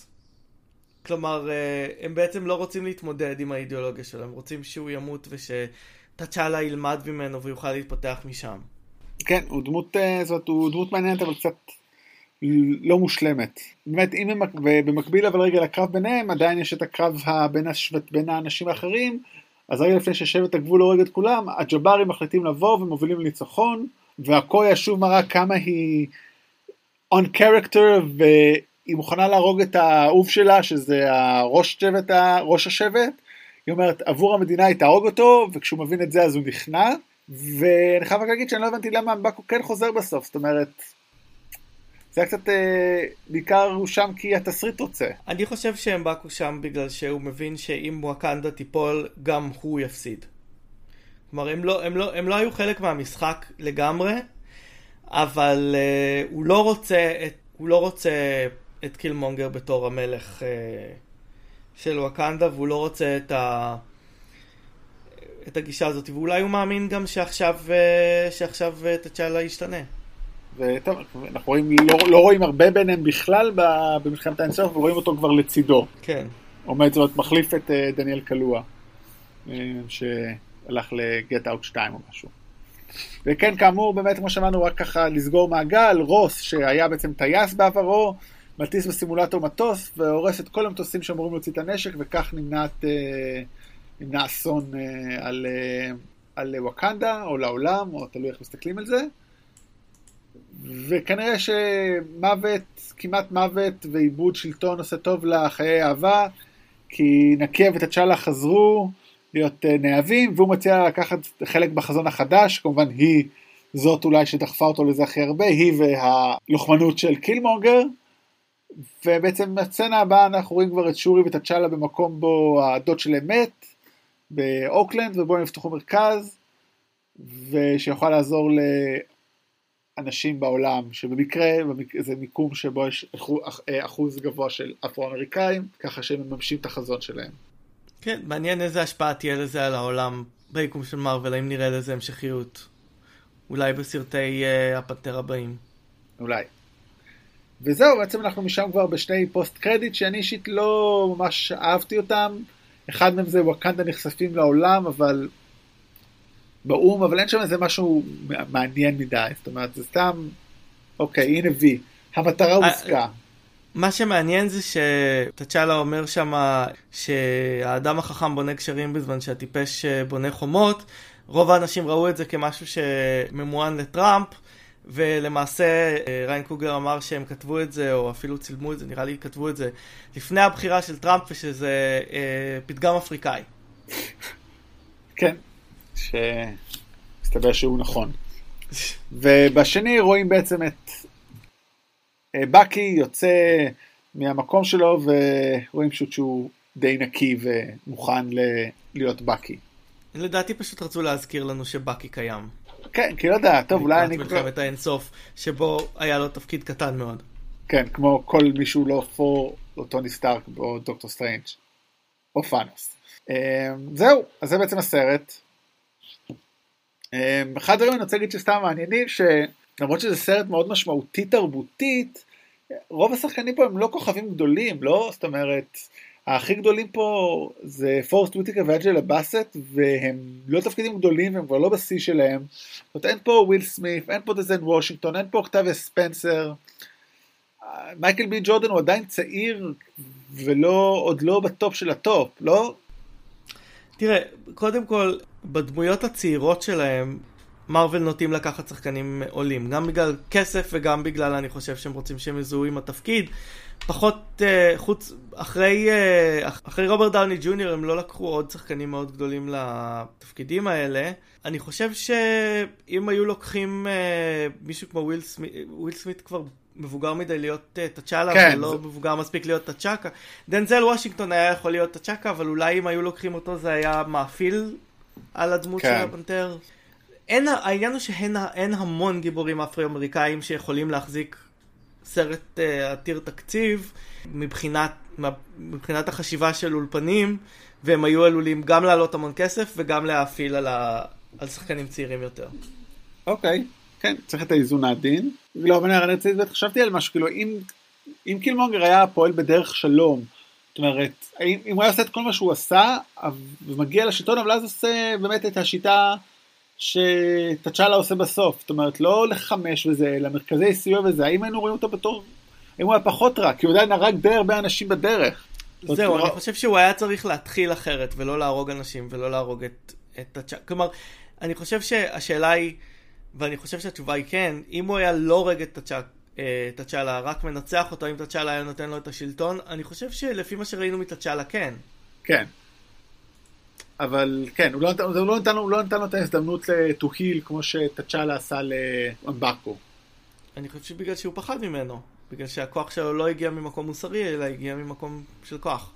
או פשוט כי הוא אומר, I can do it. זה חלק מהטקס. כן. טוב, ולסיום, אה, איזה במאי אה, אחר היית רוצה שיביים את הסרט הזה? אה, אה, גריפית, אבל מתקופת 1900, אה, לא, סתם, כן, בדיחה כבר דיברנו עליו, על אבי הקולנוע המודרני, WD גריפית, שהיה לו פן גזעני, ואז עושה פן פחות גזעני, אבל לא באמת, כאילו לא עליו באמת חשבתי. תשמע, אין פה, כאילו התשובה היא ברורה אני חושב, כאילו, במאי אפרו-אמריקאי אחד הנחשבים, אז זה או ספייק לי שלא מתאים לו ב shit. אני חושב שכאילו אנטון פקווה, פקווה איך אומרים? אנטון פוקווה, אז כן, אז כאילו ספייק לי, אבל באמת זה לא מתאים לו הסגנון של הסרט. באמת אנטון פוקווה אולי הכי מתאים, עשה Training uh, Day, שבעת המופלאים, איקולייזר 1, איקולייזר 2, זאת אומרת יש לו גם את ההבנה של הממד התרבות, התרבותי-חברתי של האפרו-אמריקאים, וגם את הממד האקשני. ג'ון סינגלטון, גם uh, רעיון לא רע, והוא גם היה מועמד דרך אגב לבימוי של זה גם בשנות ה-90 וה-2000, אבל ג'ון סינגלטון כבר לא בשיאו, זאת אומרת הוא on off כזה, פוקווה הוא עדיין עושה סרטים טובים למדי. אני, אני, אני לא אהבתי את פוקווה, אני חייב לומר, עד האיקוולייזר, שהוא סרט שחיבבתי מאוד. אה, לא אהבת את Training Day? Training Day לא אהבת? הוא היה, הוא מאוד ארוך, Training Day. גם מן אוף פייר, הסרטים שלו מאוד ארוכים. כן. טוב, אז מה הלאה? כן, טוב, בוא נדבר על ההלאה. אז קודם כל, הפודקאסט הזה לא הולך לשום מקום, הוא פשוט uh, יהפוך להיות uh, תקופתי ברגע שסרט של מארוול יצא לצפייה ביתית ונוכל לראות אותו בצורה מושכלת וממרחק של קצת זמן אנחנו, uh, אנחנו נדבר עליהם, אבל... Uh, מאחר וזה משהו שקורה שלוש, שלוש פעמים בשנה, זה לא ממש משהו שאפשר להחזיק, אז אנחנו כן. נעשה דברים אחרים. אבל על, על, ה, על הפיד הזה ממש תוכלו למצוא בעוד מספר שבועות את uh, הפודקאסט uh, החדש שלנו, uh, רותם. נבלים זה אנחנו. נבלים זה אנחנו, פודקאסט שיעסוק, כפי שהשם uh, uh, uh, מרמז, בנבלים קולנועיים, גם מסרטי קומיקס, אבל לא רק מסרטי קומיקס. בעצם uh, כל שבוע אנחנו נעסוק uh, בנבל או סדרה uh, אחרת. או תמה. או תמה. יש על זה באמת, כי זה באמת נושא מעניין, זאת אומרת, גם נראה לי זה בלט מי שכאילו הרבה פעמים דיברנו פה, כי זה אחד הבעיות של הרבה סרטי מארוול, וברגע שזה נהיה טוב אז זה נהיה מצוין, כמו פה למשל. אה, אז... נדבר על uh, מה מאפיין הנבלים, uh, מה הופך אותם לטובים, מה הופך אותם לרעים, הקשר בין סרט טוב לנבל טוב והרבה אחרים, אנחנו מקווים גם ש... יצטרפו אלינו אורחים לפרקים האלה, כך שנוכל להביא לכם, uh, uh, למי שנמאס לו לשמוע רק אותנו, למרות שאני מקווה שלא נמאס לכם לשמוע רק אותנו. אז זה יקרה עוד כמה שבועות. עד אז אנחנו נוציא פרק סיכום או שניים, נראה פשוט כמה ארוך זה יהיה, כי בכל זאת אנחנו פה 18 סרטים דיברנו, אמרנו הרבה דברים, אנחנו רוצה לסכם אותם. אז זה אנחנו נקליט, אנחנו נקליט את זה עוד שבועיים, זאת אומרת בטוח עכשיו יש שבועיים הפסקה. אנחנו נקליט את הפרקים, את הפרק הזה, נראה אם הוא יהיה על פני שבוע-שבועיים, ובעצם הפרק הראשון של הפודקאסט הבא, נבלים זה אנחנו, יהיה על, יהיה באותו פיד כמו שאברי אמר, והוא יהיה על, אה, אנחנו קוראים מלחמת האינסוף, כי לא אנחנו הראשונים ולא האחרונים שנגיד שזה סרט שהגיבור שלו הוא הנבל. יש לו הכי הרבה זמן מסך, זה אני לא צריך אה, לראות את הסרט בבית פעם, פעם רביעית כדי להגיד את זה, ומי שראה את הסרט יודע שבסוף כתוב פאנוס will return, אין ספק שהנבל הוא הגיבור של הסרט, אז זו נקודת פתיחה מצוינת אה, לדבר על הפודקאסט ההוא. כן, ואם יש משהו ביקום הקולנועי של מארוול, בונוס או משהו שאתם מרגישים שלא כיסינו, שהייתם רוצים לשמוע בפרק או הפרקים שנעשה, בבקשה אה, תכתבו לנו, תגידו לנו ואנחנו נתייחס לזה. כן, אז באמת תכתבו לנו בעמוד פייסבוק שלנו, כבר חלקכם עושים את זה, תכתבו לנו הודעות פרטיות בפייסבוק. אה, גם יש לנו פרס, אנחנו נעלה פוסט בעמוד שלנו ועם הוראות מאוד פשוטות, פרס קטן, נחמד, אבל עדיין פרס מהיקום. ואם יש לכם באמת גם נושאים שאתם רוצים שנדבר עליהם בהקשר של נבלים שאתם מאוד אוהבים, תכתבו לנו. נ, אה, נקים עמוד פייסבוק חדש אה, בשביל הפודקאסט החדש, נעשה לו קישור כמובן, גם בעמוד פייסבוק שלנו, גם בפיד שלכם כשזה יהיה רלוונטי, אה, ואנחנו מאוד מקווים ש, שתמשיכו איתנו. כן, אז עד פעם הבאה, אני רותם יפעת. ואני אה, אברי רוזנצבי, שהוא לא הנבל של הפודקאסט הזה. לא, אתה לא הנבל של הפודקאסט הזה, אה, ופשוט אה, תשמורו על עצמכם הפעם. העולם הזה הוא מקום טוב, אז... תחלקו את הטכנולוגיה שלכם עם, עם בני עמכם, למה לא? לגמרי. להתראות.